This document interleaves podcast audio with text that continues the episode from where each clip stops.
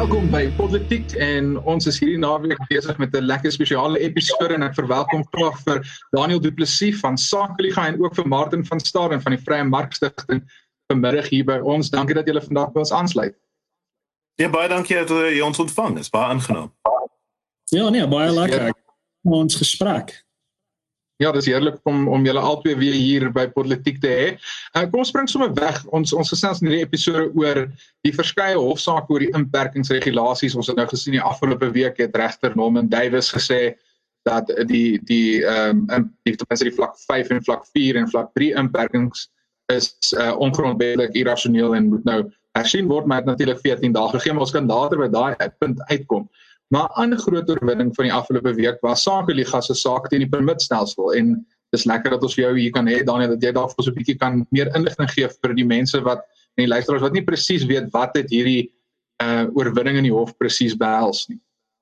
Ah, baie dankie Daniel. Ehm um, dis baie lekker om terug te wees, terug in die studio if you like. Ehm um, Ehm um, ek wil net noem dat uh so daar's 'n paar vlakke waarop hierdie ding be kan bespreek word, nê? Nee? En ek dink dis dis dalk 'n tema wat regtig besprekings oor hierdie tipe ding in die algemeen vloei. Daar's soos wat die grondwet sê, daar's soos wat die wet sê, daar's wat die regulasies sê en dan staan wat in praktyk gebeur. En so ehm um, verskillende sake. Dit word met my so bemoedigend om te sien dat soveel sake is wat op soveel verskillende aspekte van die ding fokus. Van dis dis is 'n groot Jenga blokkie, ehm um, wat eintlik hy is op die punt van omval op 'n hele paar plekke. Ehm um, en dis dis dis belangrik dat mense mooi seker maak dat jy binne kan die bestek bly van wat regtig 'n sinvolle manier is om om te gaan met iets soos hierdie koronavirus situasie. Nou, in ons saak het ons baie spesifiek gefokus op die permitstelsel, die skeiding van magte en ehm um, aangeleenthede wat daarmee verband hou. So, in kort het ons 'n hele paar dinge aangevra. Nou, die aard van litigasie op hierdie punt is baie interessant. Dit is 'n klein bietjie soos om water te probeer vang in 'n net. Maar die departement van handel en nywerheid en besonder en onkalkte en almal Uh, hulle verander net so aan die regulasies. So vroeër natuurlik in die hele inperking het ons 'n saak gemaak oor die bedien van warm kos. En toe letterlik net voordat ons op pad is om die hof in te stap, toe skielik is die regulasie verander en uit 'n uit 'n regsperspektief uit maak dinge natuurlik baie ingewikkeld. Ehm um, so ek ons kan later miskien praat oor die Norman Davis uitspraak wat dit het nog ons hele paar van hierdie goed heeltemal uitgegooi. Ek het nie iets sien kom nie. Ehm uh, maar in beginsel moet jy baie spesifieke aangeleenthede teiken, baie spesifieke, jy weet, kwessies aanraak, baie spesifieke remedies vra En dis uiteindelik wat ons gedoen het. Die rede waarom ons die permitte aangevat het, so om net 'n bietjie agtergrond te gee, is die permitte uitgereik deur die departement van handel en nywerheid. Nou, aanvanklik het die departement van handel en nywerheid gesê jy kort hierdie permit en die polisie sal gevra word om kyk daarvoor en jy moet dit hê om sake te kan doen.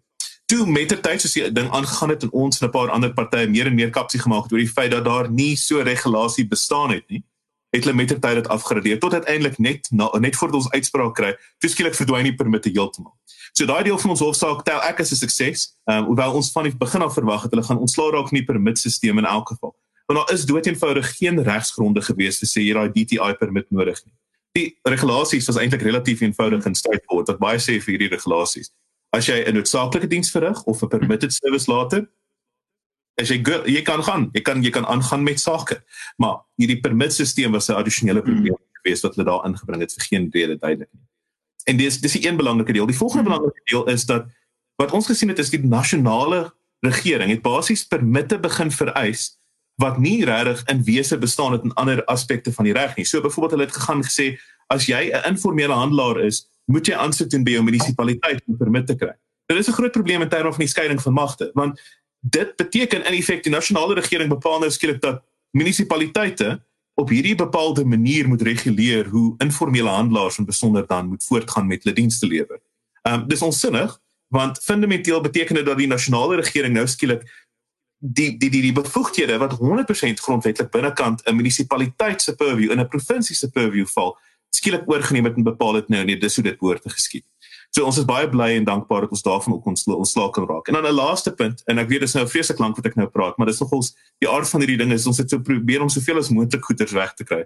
Ehm um, is daar 'n stel spesifieke regulasies gewees wat uitgevaardig was rondom spesifieke industrieë en maatskappye. En dis 'n klomp onsinnige goeders, party van dit is COVID-19 verwant, maar groot deel van dit is net dood eenvoudig nie. So byvoorbeeld, as jy 'n klein hardeware winkel gehad het, was daar van jou vereis gewees om te verseker dat die hardeware in 'n goeie toestand is. Nou wat beteken dit? Hoekom het dit met COVID-19 te doen? Hoekom is dit die nasionale regering wat skielik voorskryf hoe wat die toestand van jou merchandise moet wees?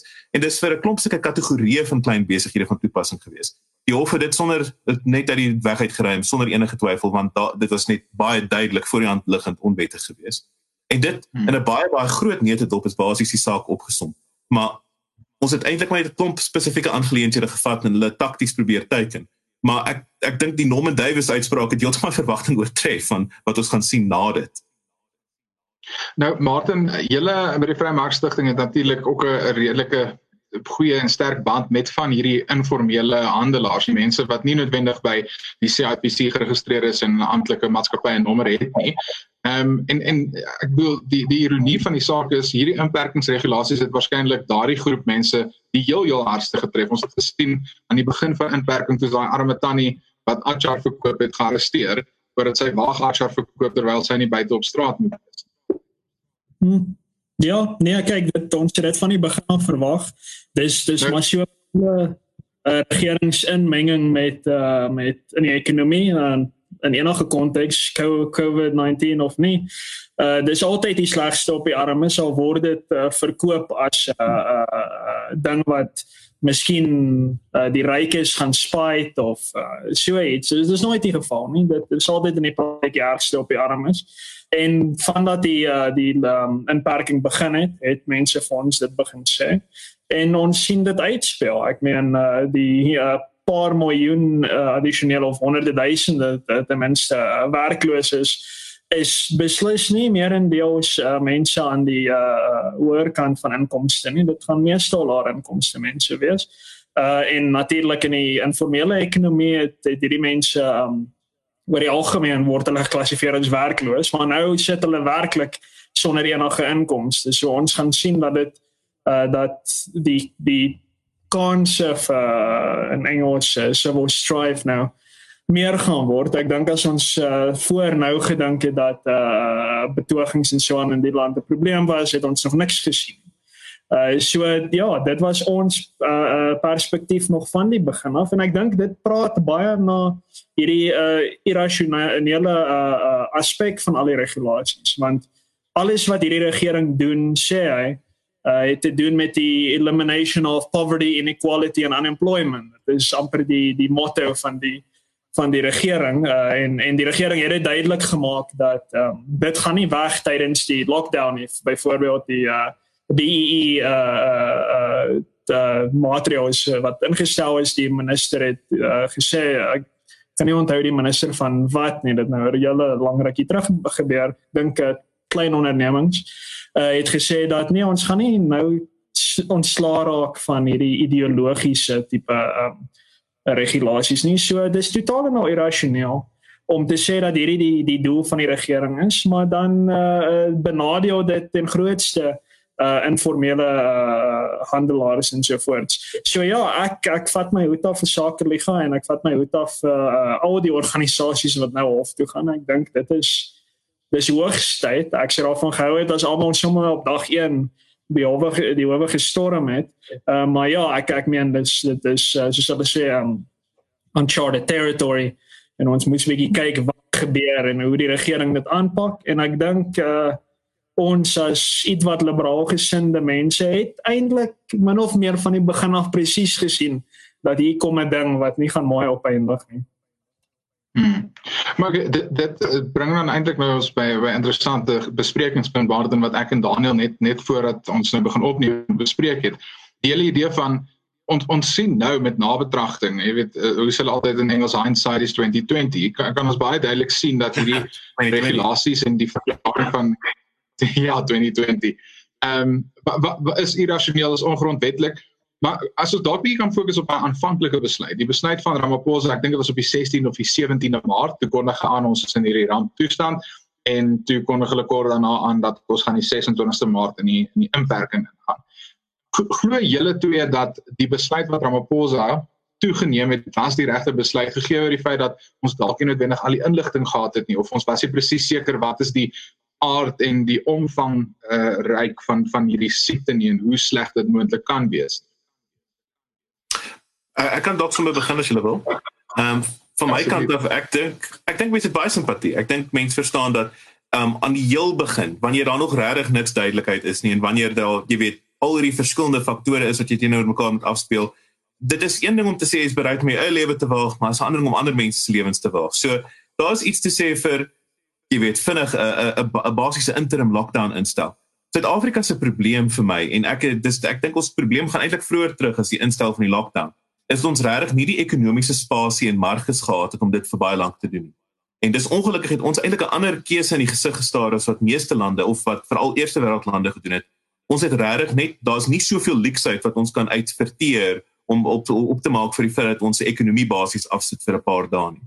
So ek dink die aanvanklike verklaring van die ramptoestand ensovoorts was gegee oor die omstandighede vir my 'n uh, aanvaarbare besluit geweest. Ehm um, ek dink dit was dis baie maklik nou soos jy dit reg uitwys om nou terug te kyk en dit uit te wys nie maar ons kon dit op ander maniere gedoen het.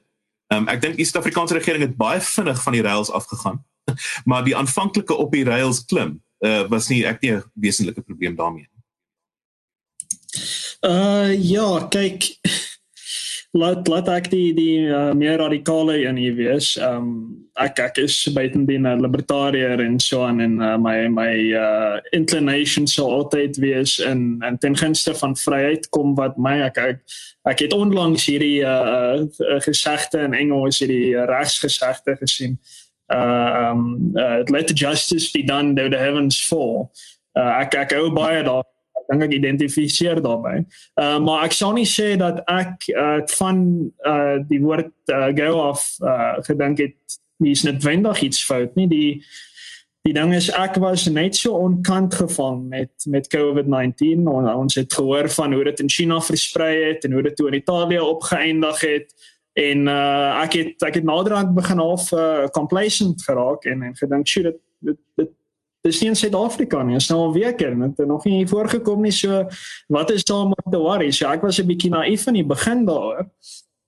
En toe die regering uh, sy maatreëls aangekondig het, dink ek okay, sjoe, ek ek weet nie presies wat om hiervan te maak nie, maar wat van die begin af vir my duidelik was, uh, ten minste die eerste week daarvan, uh was dat die regering het nie baie mooi na artikel uh, 36 en 37 van die wet nie.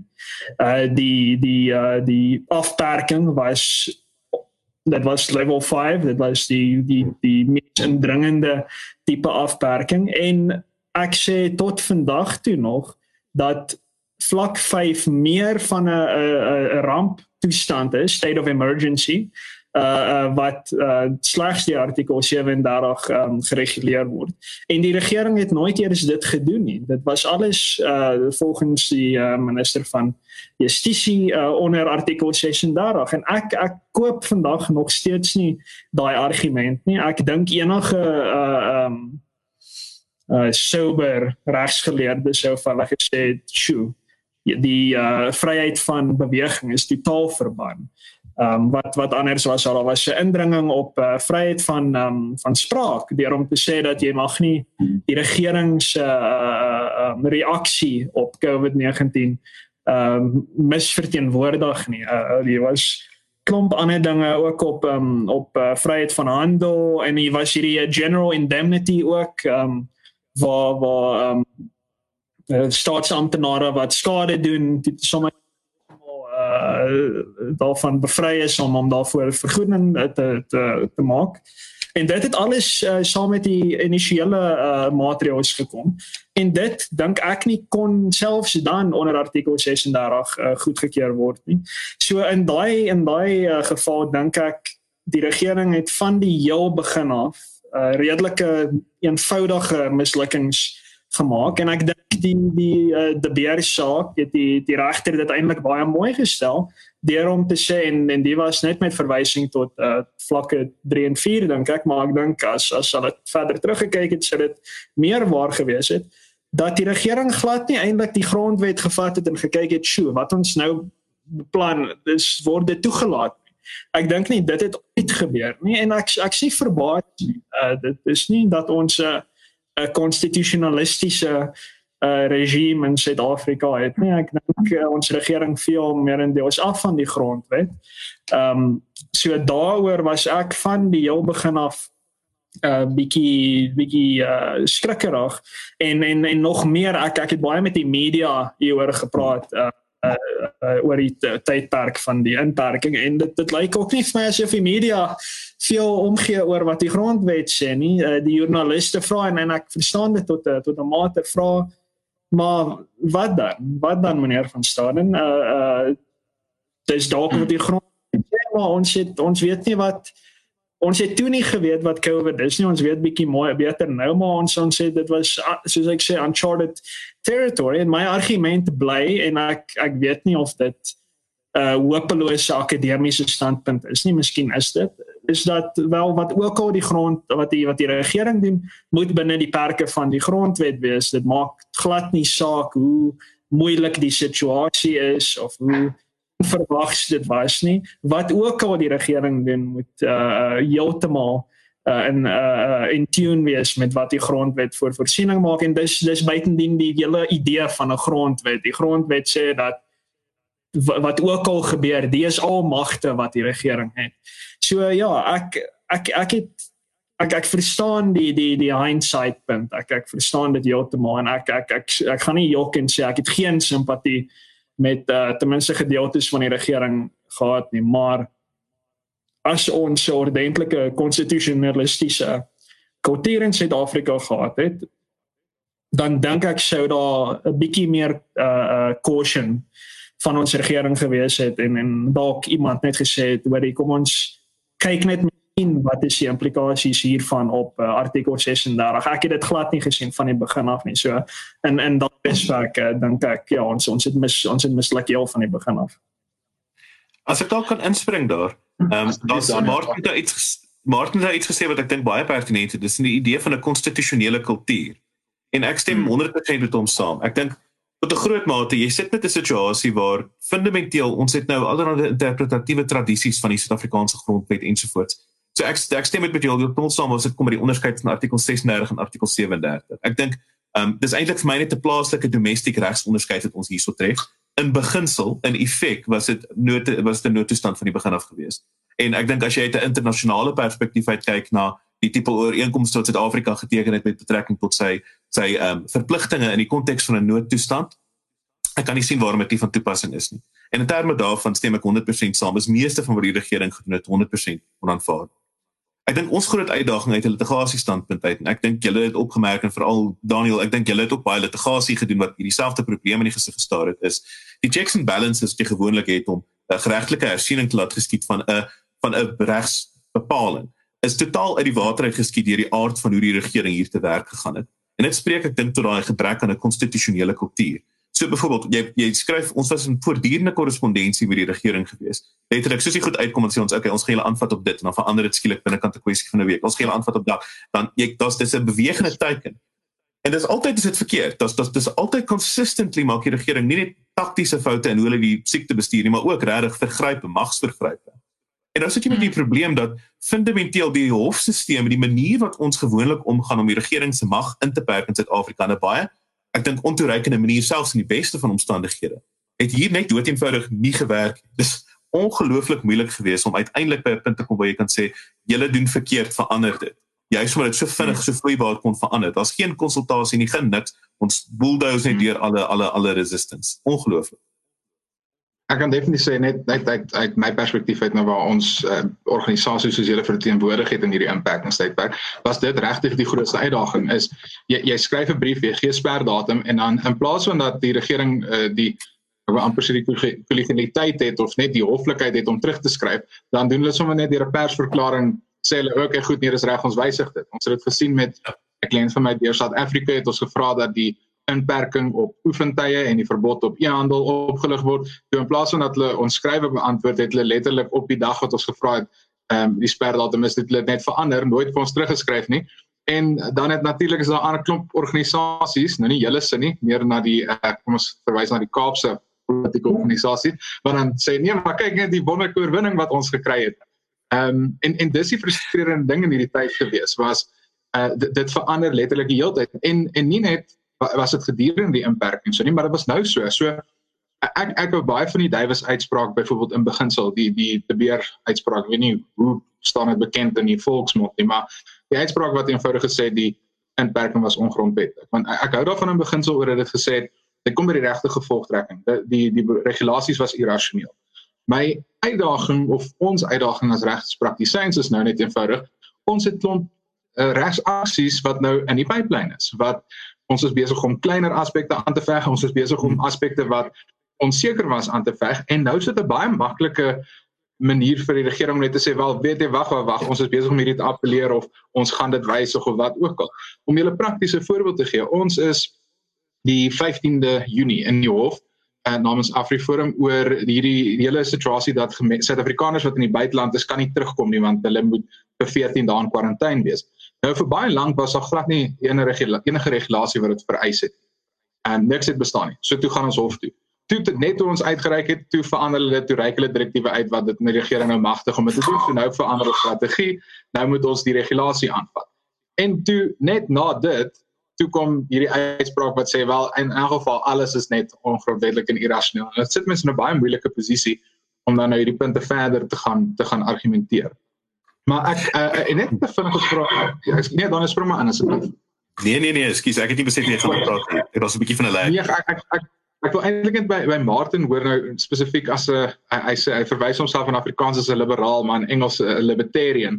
Uit 'n libertarian of 'n libertariese of wat ook al se aspek. Uh hoe sou jy hoe hoe dink jy moes 'n regering hierdie ideaal gesproke uh, hanteer het? As jy nou jou ideale libertariese regering gehad het. Wat wat het jy gesien is hulle rol in hierdie tyd gewees? Moes dit wees ten minste?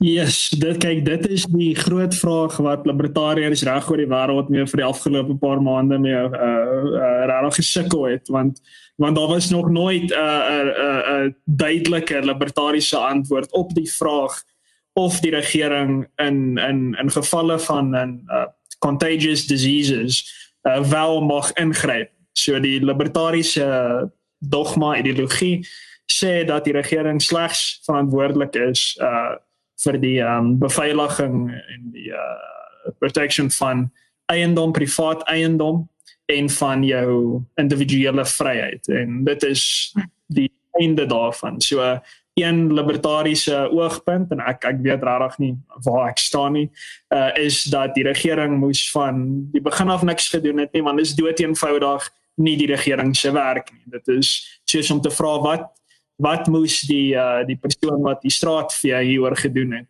Uh dis nie sy werk om enigiets daaroor te doen nie en baie libertariërs sal sê dat ja COVID-19 dis 'n groot groot ramp maar dit het hoegenaamd niks met die regering te doen nie. So hulle moet net uit uit die pad uit bly, laat dokters daarna kyk, dat hospitale hulle dinge doen, laat private uh um uh, uh mediese assosiasies uh met maatreëls werk en vir besighede sê hoe hulle moet reageer en so aan en dan sal besighede besluit en dan sal jy as 'n uh uh kliënt van daai besigheid besluit of jy en 'n uh, uh, uh geboue wil ingaan en of jy saam met uh, besighede gaan gaan wat ehm maar wel, wel maatreëls ingestel het.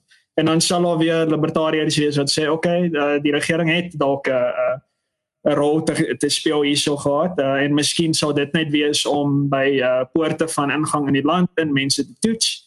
Ehm uh, kyk die die die siekte het en indien nie dan mag hulle inkom en dan stop die regering se um, se mandaat weer en en en verder as dit mag hy niks doen nie. So dit is dis 'n baie moeilike vraag en ongelukkig lyk dit asof die die die die bulk van die antwoord op uh, niks gaan neerkom en dat die regering moes maar net teruggestaan het. En en ek ek wou nie daardeur impliseer dat ek dink uh, die die die siekte wat is nie belangrik nie. Ek dink dit is duidelik dat die um, dat die siekte baie mense gaan doodmaak, dat dit die samelewing oor die algemeen meer ongesond gaan maak. Maar die ekonomiese uh ramp wat die afperking, nie die nie COVID-19 ons baie ek dink ons moet baie duidelik die die um die verskil tussen hierdie twee dinge sien uh, die ekonomie sou aangegaan het met die siekte hierso. Mense sou 'n werk nie rarig gekies nie. Uh, so die die ekonomie sou nie in duie gestort het in my in my opinie. Uh, so veel soos wat hy wel gedoen het uh, as uh, as 'n resultaat van die inperking nie.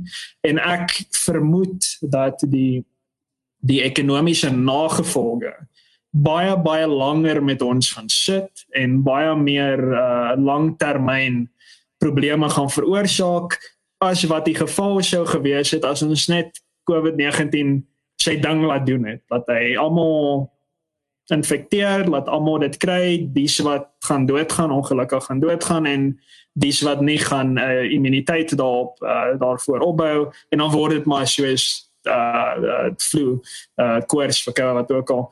Um en en dit word maar deel van ons daaglikse lewens maar die lewe gaan aan. So dis dis nie 'n lekker antwoord nie. Ek hou nie daarvan om om vir jou hierdie antwoord te gee nie. Dis dis glad nie lekker nie maar maar ek dink in Suid-Afrika veral ek sien seker oor die die reis van die wêreld nie maar in Suid-Afrika veral het ons reeds basies in 'n resessie gesit toe toe die hmm. af het. En nou nou gaan dinge ek dink baie baie slegter raak veral vir die jou armes in ons land. En dis dis dis jammer want mense gaan kapitalisme blameer of ten beste hulle gaan die virus blameer wanneer dit eintlik die regering se inperkingsmaatreëls was hmm. wat inperkingsmaatreëls wat dit veroorsaak het. So ja, dis 'n uh, 'n slegte situasie oor die algemeen. Mm. Dan wil jy dalk uh, inspring as jy as jy sou nou jou ideale regering kon vorm. Um, ek weet jy het altyd baie interessante opinies. Ek ek onthou net aan ons studente dan dink ek terug aan aan jou plan om Limpopo te gaan inval. Ehm um, maar, maar hoe sou jy hoe sou jy uh, gedink het behoort die regering hierdie te hanteer het um, op op 'n ideologiese en 'n filosofiese vlak dan natuurlik. 'n Uitstekende vraag. Ek wil net wel noem, ehm um, toe ek gesê die Limpopo ding was 'n gedagte eksperiment. Ons is besig om te sê dis 'n beleid wat ons behoort te volg. Ek het dit gevra wat as. Maar dit ook al sê.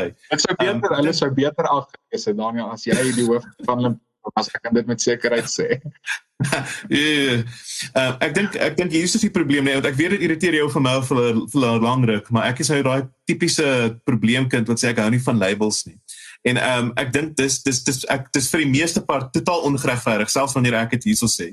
Ehm um, ek het, ek sukkel nog steeds om myself te vind binnekant enige enkele gegeewe intellektuele tradisie, veral op hm. vrae soos hierdie. Ehm um, ek dink van my kant af, ek sê sê maar ek is 'n baie teoreties ingestelde persoon, maar ongelukkig hierso moet ek sê ek dink nie ek voorsien 'n teoretiese ideale staat nie. Ek dink wat vir my belangrik is en hoe ek regerings en samelewings beskou is, elke samelewing het een of ander orde struktuur wat binnekant hom geskied. En daai orde struktuur gaan wissel drasties tussen verskillende lande. Wat wat ons het is ons te kom petri dishes gehad wat ons uitgelos het vir ruk en party van hulle het mekaar gekras contaminate ensovoort, maar almal het een of ander stel organismes het daarso ontwikkel en daai organismes en staatsorgane en goeders funksioneer binnekant hulle konteks op 'n baie bepaalde tipe manier. So ek dink as ek 'n algemene teorie oor die ideale staat moet hê, dit 'n staat wees wat soveel as moontlik ruimte laat vir innovasie, soveel as moontlik ruimte toelaat vir vryheid, soveel as moontlik ruimte toelaat vir die herrangskik van daardie parte en dan soveel as moontlik ruimte laat vir mense om regtig die goeie na te streef, nie net in hulle eie persoonlike lewens nie, maar ook in hoe daai samelewing in interaksie met mekaar is. Dis 'n baie vaar vaar idee, ek weet, maar om dit prakties te maak in die konteks van Suid-Afrika. Suid-Afrika het 'n reeds bestaande sosiale struktuur. Dis een wat baie sleg werk. Dis waarom in die konteks van Suid-Afrika is ek genoop om te sê daar's geen kwessie vir my dat so, so min as moontlik mag in hierdie konteks moet berus sit by die nasionale regering. Ehm um, dis waarom in die konteks van Suid-Afrika oor die algemeen is ek vir 'n drastiese afwenteling van mag na provinsiale en plaaslike owerhede toe en na ander organisasies buitekant die streng staatlike omstandighede. So in daai opsig sou ek sê my idee van wat die staat as breë moet doen is nie so seer vir my belangrik as wat die samelewing as breë moet doen.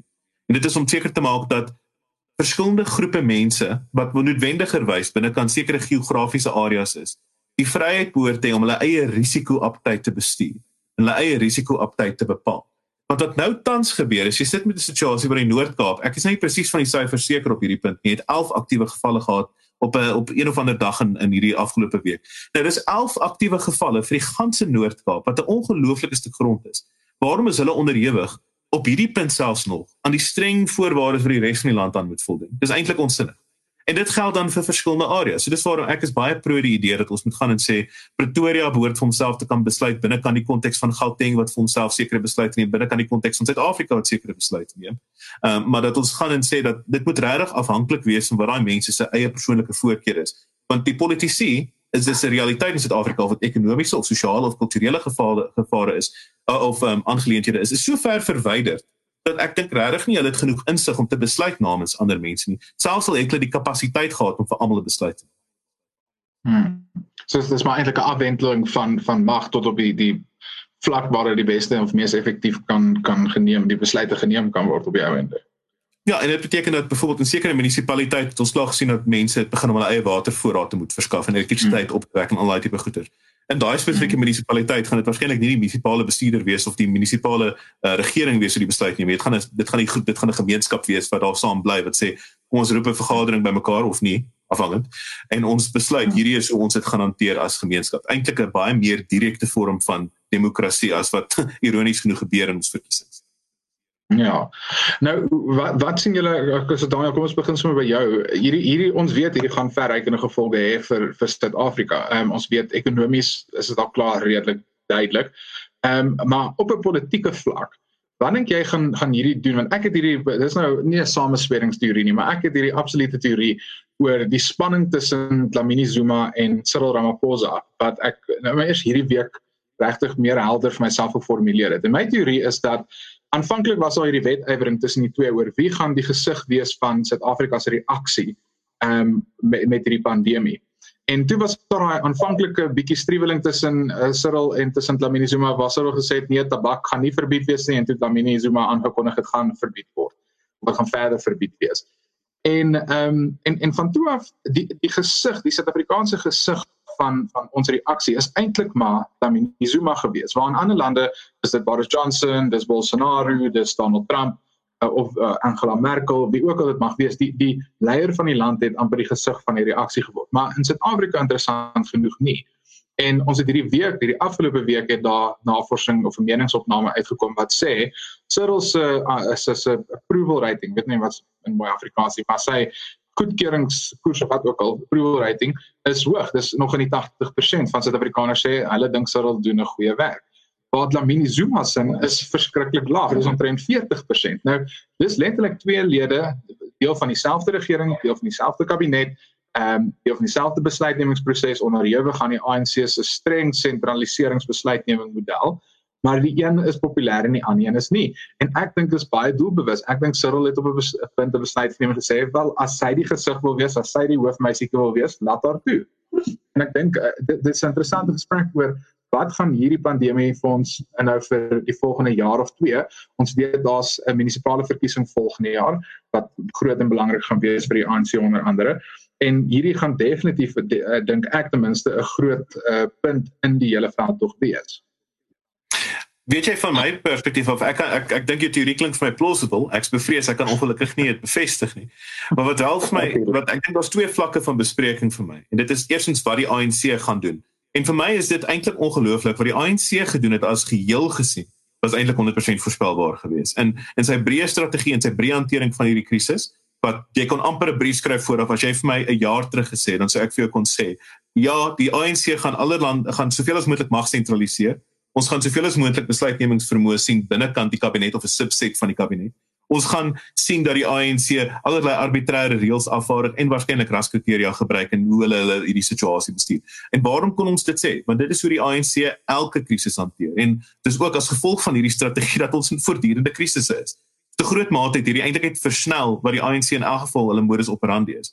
Fundamenteel binnekant die ANC se wêreldbeskouing en mens moet hulle geluk wens met eintlik 'n verskillike koherente wêreld beskou. Dis regtig ongelooflik hoe selfs buite kan die ANC binne kan die EFF is daar hierdie algemene wêreldidee wat half 'n marxistiese agtergrond het met ons eie paar kinkels in die kabel ingegooi hierso iewers tussen.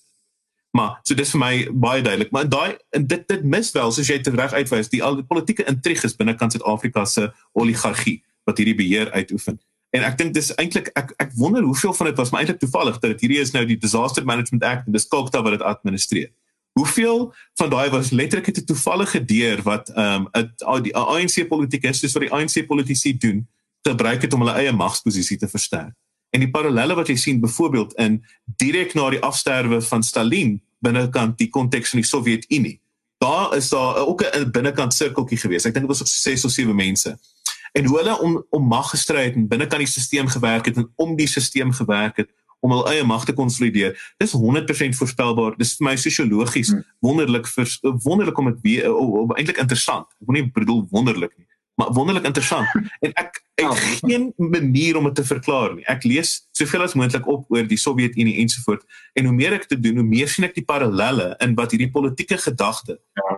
te teweegbring binnekant hoe mense operei. Maar ek kan dit nog nie verklaar nie. Dit is my wonderlik fascinerend het het hulle nie vir Stalin ontrent etlike amper meer as 'n dag doodgelos op in in die huis nadat hy ek dink hy het 'n van wat sy dood daai van 'n beroerte of iets. Ek onthou net ek ek het 'n podcast daar geluister wat hulle gesê het hy letterlik hulle het hom daar gelos terwyl die die wat onder hom was beklei het vir die magsposisies. Daar was ook 'n geval gewees van waar hulle nog voordat hulle eers geweet het daar's jy weet 'n moontlike magsgryp wat moontlik is was Stalin ook sy eie wagte wou nie ingegaan het nie. So ek dink dit was ook omtrent 'n halwe ja. dag voordat daai proses begin het. Wat obviously was daar 'n groot probleem geweest. Stalin het nie te voorskyn gekom op sy gewone tyd nie. Maar niemand wil gaan kyk dit nie. So dis Skus, ek moet eintlik nie te lag nie, maar dis my net so wonderlik om te dink dat daar is so voorspelbaar. Martin en en jy, wat dink jy hou hierdie vir ons in eh, dalk dalk ek weet jy's jy's minder 'n man van politiek en meer 'n man van van filosofie en van ehm um, ja van wel van 'n uh, vegter vir vryheid. Maar dink jy hierdie is het ons op 'n slippery slope gesit in Suid-Afrika of dink jy, jy ek weet jy het vroeër net voordat ons begin opneem het gesê hierdie pandemie gaan nou lei dat uh, allerlei slegte goed, allerlei kommunistiese beleid gaan versnel word, goed soos die NGV grondeinings van vergoeding. Ehm um, dink jy hierdie gaan dit bietjie stadiger maak of dink jy dit gaan dit regtig net absoluut vinniger versnel?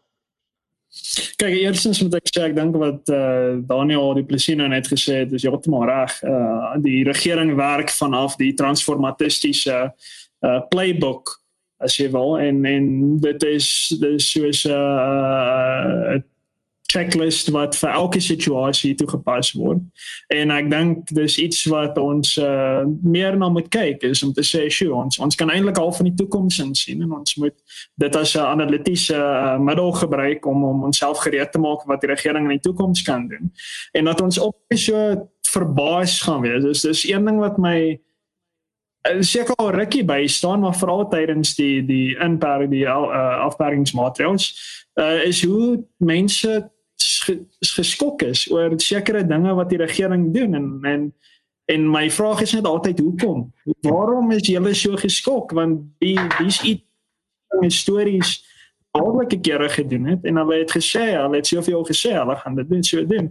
Uh so ons moet ophou geskok wees en hoe meer ons emosioneel ten minste gereed is wat die regering kan gaan doen dan sou die die praktiese nog ekonomiese nagevolge ook daarvan uh heel verminderd wees. So ek dink dis heeltemal reg.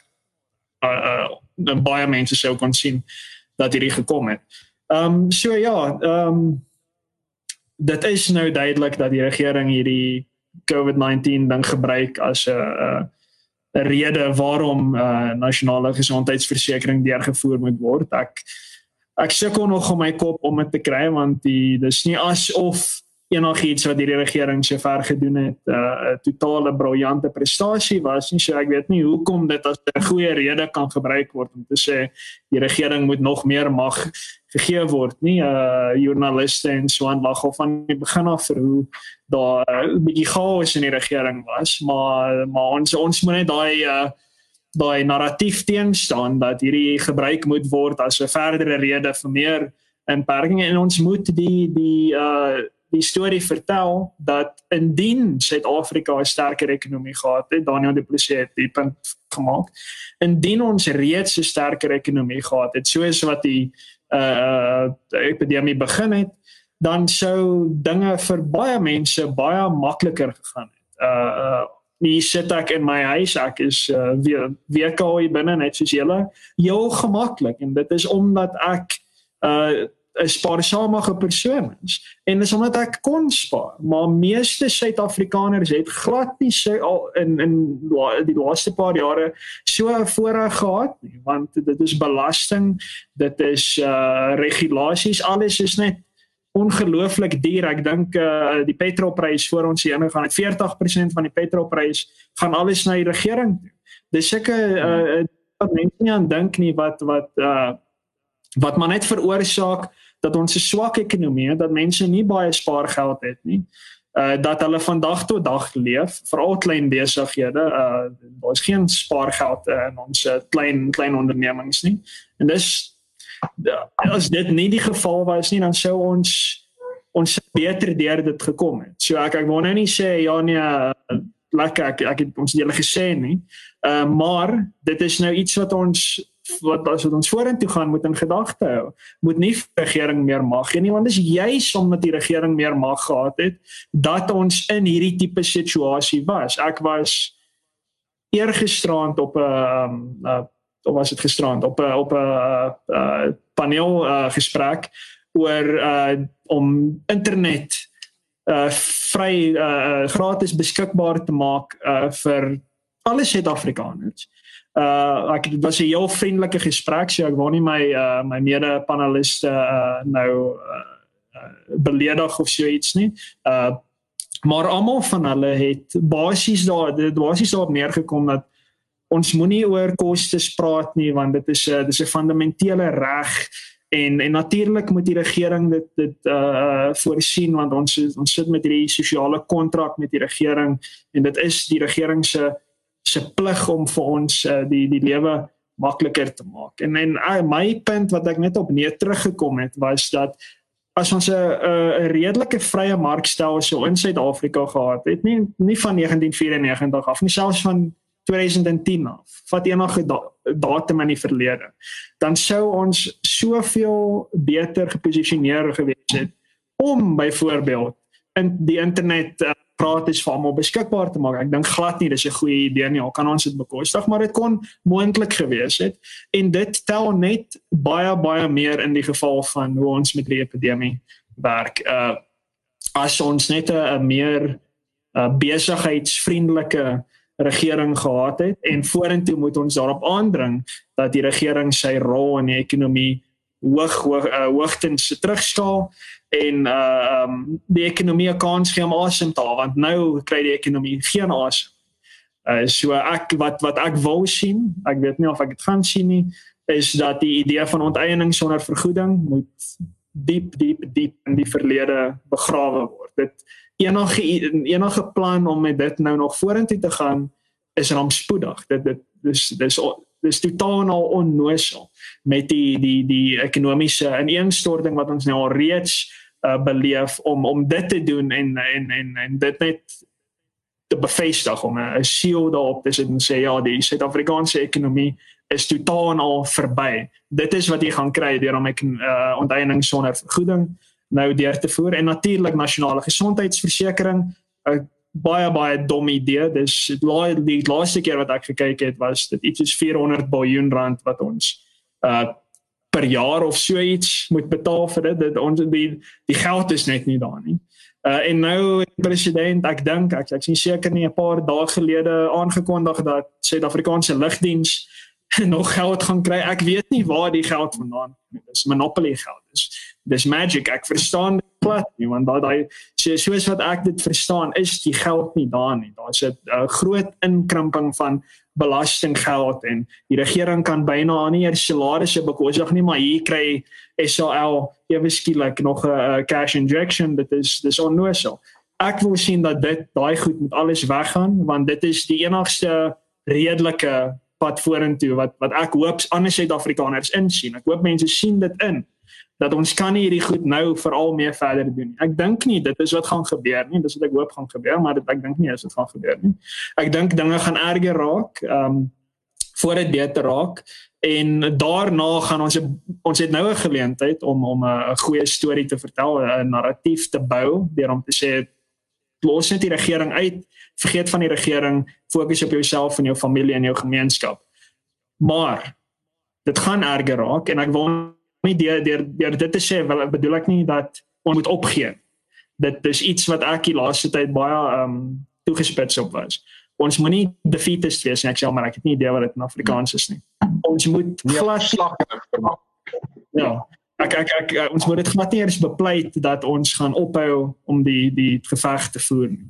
Um, ons moet aanhou probeer en ek dink na dit baie erg geraak het, gaan dit weer goed gaan dit dit is maar net nog nog elke keer in elke fase van ons geskiedenis gebeur het maar vir dit om te gebeur moet ons aanhou die die die goeie veg veg en ehm um, ja ons moet onsself gereed voor daar maak en ons moet regtig van stad statisme statism ontslaa raak en veral onder Afrikaans sprekendes. Ek weet baie Afrikaans sprekendes dink o nee, ons staan die regering teen. Nee, ongelooflik baie van ons staan maar net die ANC regering teen. Nee ouens, kom.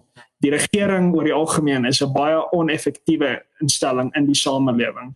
Kyk na jouself, kyk na jou familie, kyk na jou gemeenskap, vergeet van die regering. Dit is dis net nooit 'n goeie plan om jou hoop en jou vertroue in 'n in 'n politikus Nou ek sien ons het een vraag hierso van Marinus Kutse en hy sê uh, ons is op pad na sosialistiese stelsel in ons land en die vraag is gaan Suid-Afrikaners dit aanvaar en hy vra spesifiek en ek dink dit sluit so mooi aan by wat jy nou sê Martin wat kan ons doen om dit te keer? En ek gaan dit aan aan albei van julle dalk 'n geleentheid gee om net vinnig te sê wat dink julle? Martin jy het nou gesê ons moet hierdie statisme statisme verwerp. Ehm um, ek kan dalk net begin deur te sê ek ek vermoed 'n wonderlike stap wat Suid-Afrikaners kan neem teen sosialistiese beleid teen hierdie sentralisering van mag is om uh die plekke soos die Vrye Mark Stichting en Sakeliga te ondersteun en en nie net jou jou tyd vir hulle te gee nie maar as jy kan help om 'n geldelike bydrae te lewer want hier is die mense wat op die voorpunt is om hierdie beleid in Suid-Afrika teen te veg. So Daniel as jy dalk net vir ons wil sê prakties, ehm um, wat kan die man op straat doen om byvoorbeeld julle te help en uh nie net julle te help nie maar die breër stryd teen uh, sosialisme en sentralisering. Kyk, ek dink van ek dink daar's 'n verantwoordelikheid nê van ons almal om aan te sluit by organisasies om te sê dat ons moet eintlik 'n daar's 'n nuwe voorskrif nodig vir Suid-Afrika. Ek dink ek gaan hierdie analogie gebruik. Ons is in die tyd van 'n nuwe plaag, maar in die swart plaag het jy gesit met 'n situasie waar dokters was bedien het uit uitgekom en hulle het jou bedien met raad en met met medikasie en so voort. Maar hulle het nie idee gehad wat hulle gedoen het nie. En talle kere het hulle jou aktief doodgemaak, het jou slegter gemaak as wat jy was. Suid-Afrika sit met daai probleem. Is ons sit met 'n dokter, die staat, wat net doeteenvoudig. Eintlik dis dis 'n groot probleem as dit. Ons sit met 'n klomp mense wat 'n wêreldbeskouing het waar binnekant hierdie die regte middel is, waar binnekant hierdie die regte medikasie is teen hierdie tyd moet kry. Dis fundamenteel verkeerd. En ons sien wat die gevolg daarvan is as jy word sieker. As hoe meer ons hierdie middel toedien, hoe sieker word jy. En dan is die probleem omdat daai wêreldbeskouing is, omdat dit aanvaar word as 'n gegewe, maar hoe seker die pasiënt is, hoe meer medikasie hy nodig. So kom ons kyk nog van dit. Wat lei tot hierdie siklus waar dinge net slegter word. En dis dis al binnekant ons iets soos SAL sien, dis daar binnekant ons die SAKP se en ek sien ons sien dit in die kommentaar afdeling waar iemand opmerk die SAKP lyk as hulle nou meer invloed het en so voort. Ek stem dit met 'n groot mate daartoe saam, want dis die fundamentele harde skyf waartoe ons terugkeer en sê okay, maar wat is die raad vir 'n slegte regering? Wat is die raad vir 'n uh, vir 'n slegte samelewing. Dis ons moet meer staat toedien en dit lei tot hierdie ding wat voortgaan. So ek dink my belangrikste versoek is eintlik die volgende: is in jou eie lewe prakties, maak seker dat jy deelneem aan strukture en organisasies wat deel van hierdie staat se monopolie op mag en samelewingskohesie probeer breek. Dis 'n hele paar goed wat jy kan doen. Jy kan aansluit by Sakeliga, die Free Market Foundation organisasies soos die Solidariteit Beweging, AfriForum, by jou kerk, jy kan 'n klub stig. Dis belangrik dat ons besef dat dis nodig dat ons buitekant die die konteks van die staat moet kyk na goeder soos omgee vir mekaar, na goeder soos watervoorsiening in die platteland, na allerlei praktiese middele wat ons moet sê die fundamenteel wat ons ons eie lewens wat ons aantoon. Die oplossing is nie om hierdie bizarre middel toe te dien en bly toe te doen nie. Nee, ons kort medikasie wat empiries bewys word om te werk. En dis die wonderlik is ons is nie meer in die 14de 15de eeu nie. Ons weet wat se tipe samelewings is suksesvol. Ons weet wat se tipe ekonomiese strategieë werk. Kom ons pas dit toe en kom ons maak seker ons dra daai boodskap ook uit na ons medelandsburgers toe en sê moenie soos Martin, ek dink Martin het eintlik perfek vasgevat. Is jou eerste plig is om seker te maak dat jou gesin en jou samelewing en jou naaste, en dis waarom ek baie mal is vir die term naaste, na omgesien is. Daai mense wat jy kan help, help hulle moenie dit oorlaat aan die regering nie en neem deel aan organisasies wat daai as hulle ma maatstaf het, wat daai as hulle doeleinde. Martin, as jy dalk wil inspring met 'n laaste voorstel wat jy dink mense prakties moet doen, um, ons weet uh hoe sê hulle give me your money. Uh is is definitief 'n praktiese ene, maar uh, net op 'n 'n manier vir Suid-Afrikaners. Ek dink dit is 'n groot probleem. Klomp mense voel net amper hulle kan niks doen nie. Dis hier dis hierdie groot moondheid, hierdie ongelooflike magtige sterk regering wat ons net aanhou mag voer het en bevoegdheid voer het. Maar hoe begin ons wegkalwe aan daai mag? Laat ek 'n bietjie hoop vir uh, luisteraars voorsien. En dit is dis my opinie, maar dis 'n opinie wat ek ongelooflik sterk aan vashou en dit is dis iets wat ek wat ek dink ek raak sien. En dit is dat ons is nie noodwendig 'n minderheid. Ons is nie hierdie klein hoeveelheid vryheidgesinde mense wat al doen ons wat gaan ons nooit 'n verandering uh te meebring nie. Ek dink ons opponente, noem hulle sosialiste, noem hulle uh, anti-vryheidsgesinde mense. Hulle is net hulle is slegs meer aktief as ons. Hulle is nie noodwendig meer as ons nie. Hulle is slegs net meer aktief as ons. Hulle skryf, hulle gaan op hulle bel in op radioprogramme. Hulle gaan na protesaksies toe. Hulle hulle uh, gee geld aan hulle uh, aan hulle organisasies en aan hulle politieke partye, aan hulle uh, vakbonde. Hulle is net meer besig met hulle lewensbeskouing. Hulle dan daar's 'n level van 'n uh, uh, mate van commitment, regte commitment tot die sosialistiese wêreld beskouing. Dit is iets wat ons as vryheidsgesinde mense nie het nie. Daar's ons het 'n paar skrywers, uh, miskien in regoor Suid-Afrika, miskien so 250 waar hulle 2000 het. Hulle het nie 55 miljoen. Ons kan ons opponente match. Ons kan op dieselfde vlak as hulle kom en ons kan hulle wen. Al wat ons nodig het is aktivisme en ek bedoel nie jy jy moet gaan uh proteïe gaan goed afbrand en so aan nie, maar deel neem deel aan die gesprek. Uh moenie moenie stil bly nie. As jy iets het om te sê, sê dit. Uh um doen alles wat Daniel uh Plesina net gesê het um en dan ek ek sal daarby byvoeg as jy jou kinders in 'n privaat skool kan sit en nie almal van hulle is nou meer so baie dierder as staatskole nie uh, as jy dit kan doen doen dit. Uh weerhou soveel geld as wat jy kan van die van die staat af. Ek moet asseblief nie belasting ontduik nie dit sal nie goed wees vir jou nie. Uh maar waar jy wettig kan geld ont, uh, weerhou van die staat af doen dit maar op 'n op 'n psigologiese vlak moet moet jy moet jy asseblief doen wat ek dink ek en Daniel nou mooi opgesom het besef dat die staat is nie 'n amper 'n legitimate middel vir jou om jou probleme op te los nie. Ek sê nie jou probleme is nie belangrik nie, maar moet nooit aan die staat dink as die middel wat jy gaan gebruik nie. En ek praat weer met Afrikaans sprekendes. Ek weet niemand hou van rokers wat om jou staan en rook dis nie lekker nie. Ek ek ek, ek rook nie. Ek het nog nooit van rook gehou nie. Maar moenie dink ag jene tog die regering moet beslis iets hieraan doen nie. Dit is is dit is die verkeerde antwoord. Jy en jou gemeenskap kan iets daaromtrent doen. Sê vir mense as jy om my rook, gaan ons jou uit die gemeenskap uitskei. Ons soek jou nie meer in die gemeenskap nie. Dit is dit is doodreg. Maar hou op daaraan dink om vir die staat vir help te vra want jy vra nou vir 'n bietjie hier, iemand anders vra vir 'n bietjie daar en oor 'n periode van jare lei dit tot 'n groot konsentrasie van mag in die hande van die staat om dinge teen jou te doen wat jy dan nie meer saamstem nie, dinge wat heeltemal teen jou belange gaan. Dit is 'n in Engels noem hulle dit 'n slippery slope.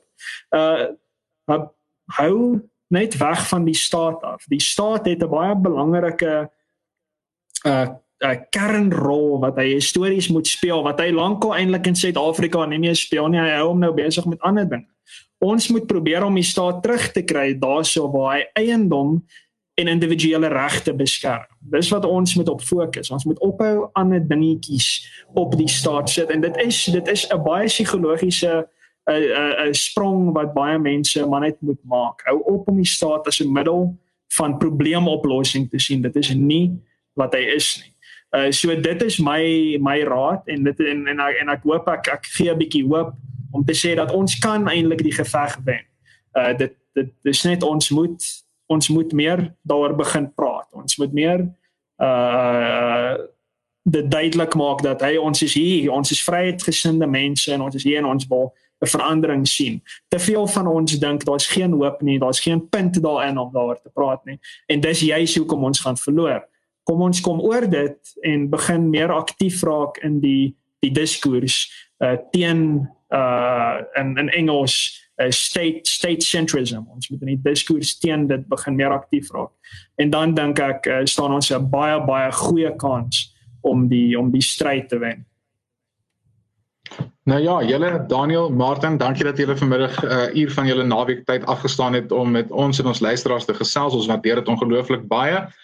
En uh, natuurlik soos die rasionaliteit van die inperking is hierdie episode nou ongelukkig ook eers verby. Ons vra nou jou as politiek luisteraar uit om die gesprek wel voort te sit in die kommentaarafdeling. Jy kan ook vir Daniel en vir Martin op sosiale media vind en met hulle verder daar gesels. En indien jy hou van wat ons hier by politiek doen, koop vir ons gerus 'n koppie koffie om te sorg dat ons weer nog inhoud soos hierdie kan voorsien. Maar Daniel Martin weer eens baie dankie vir julle tyd. Ons waardeer dit verskriklik baie.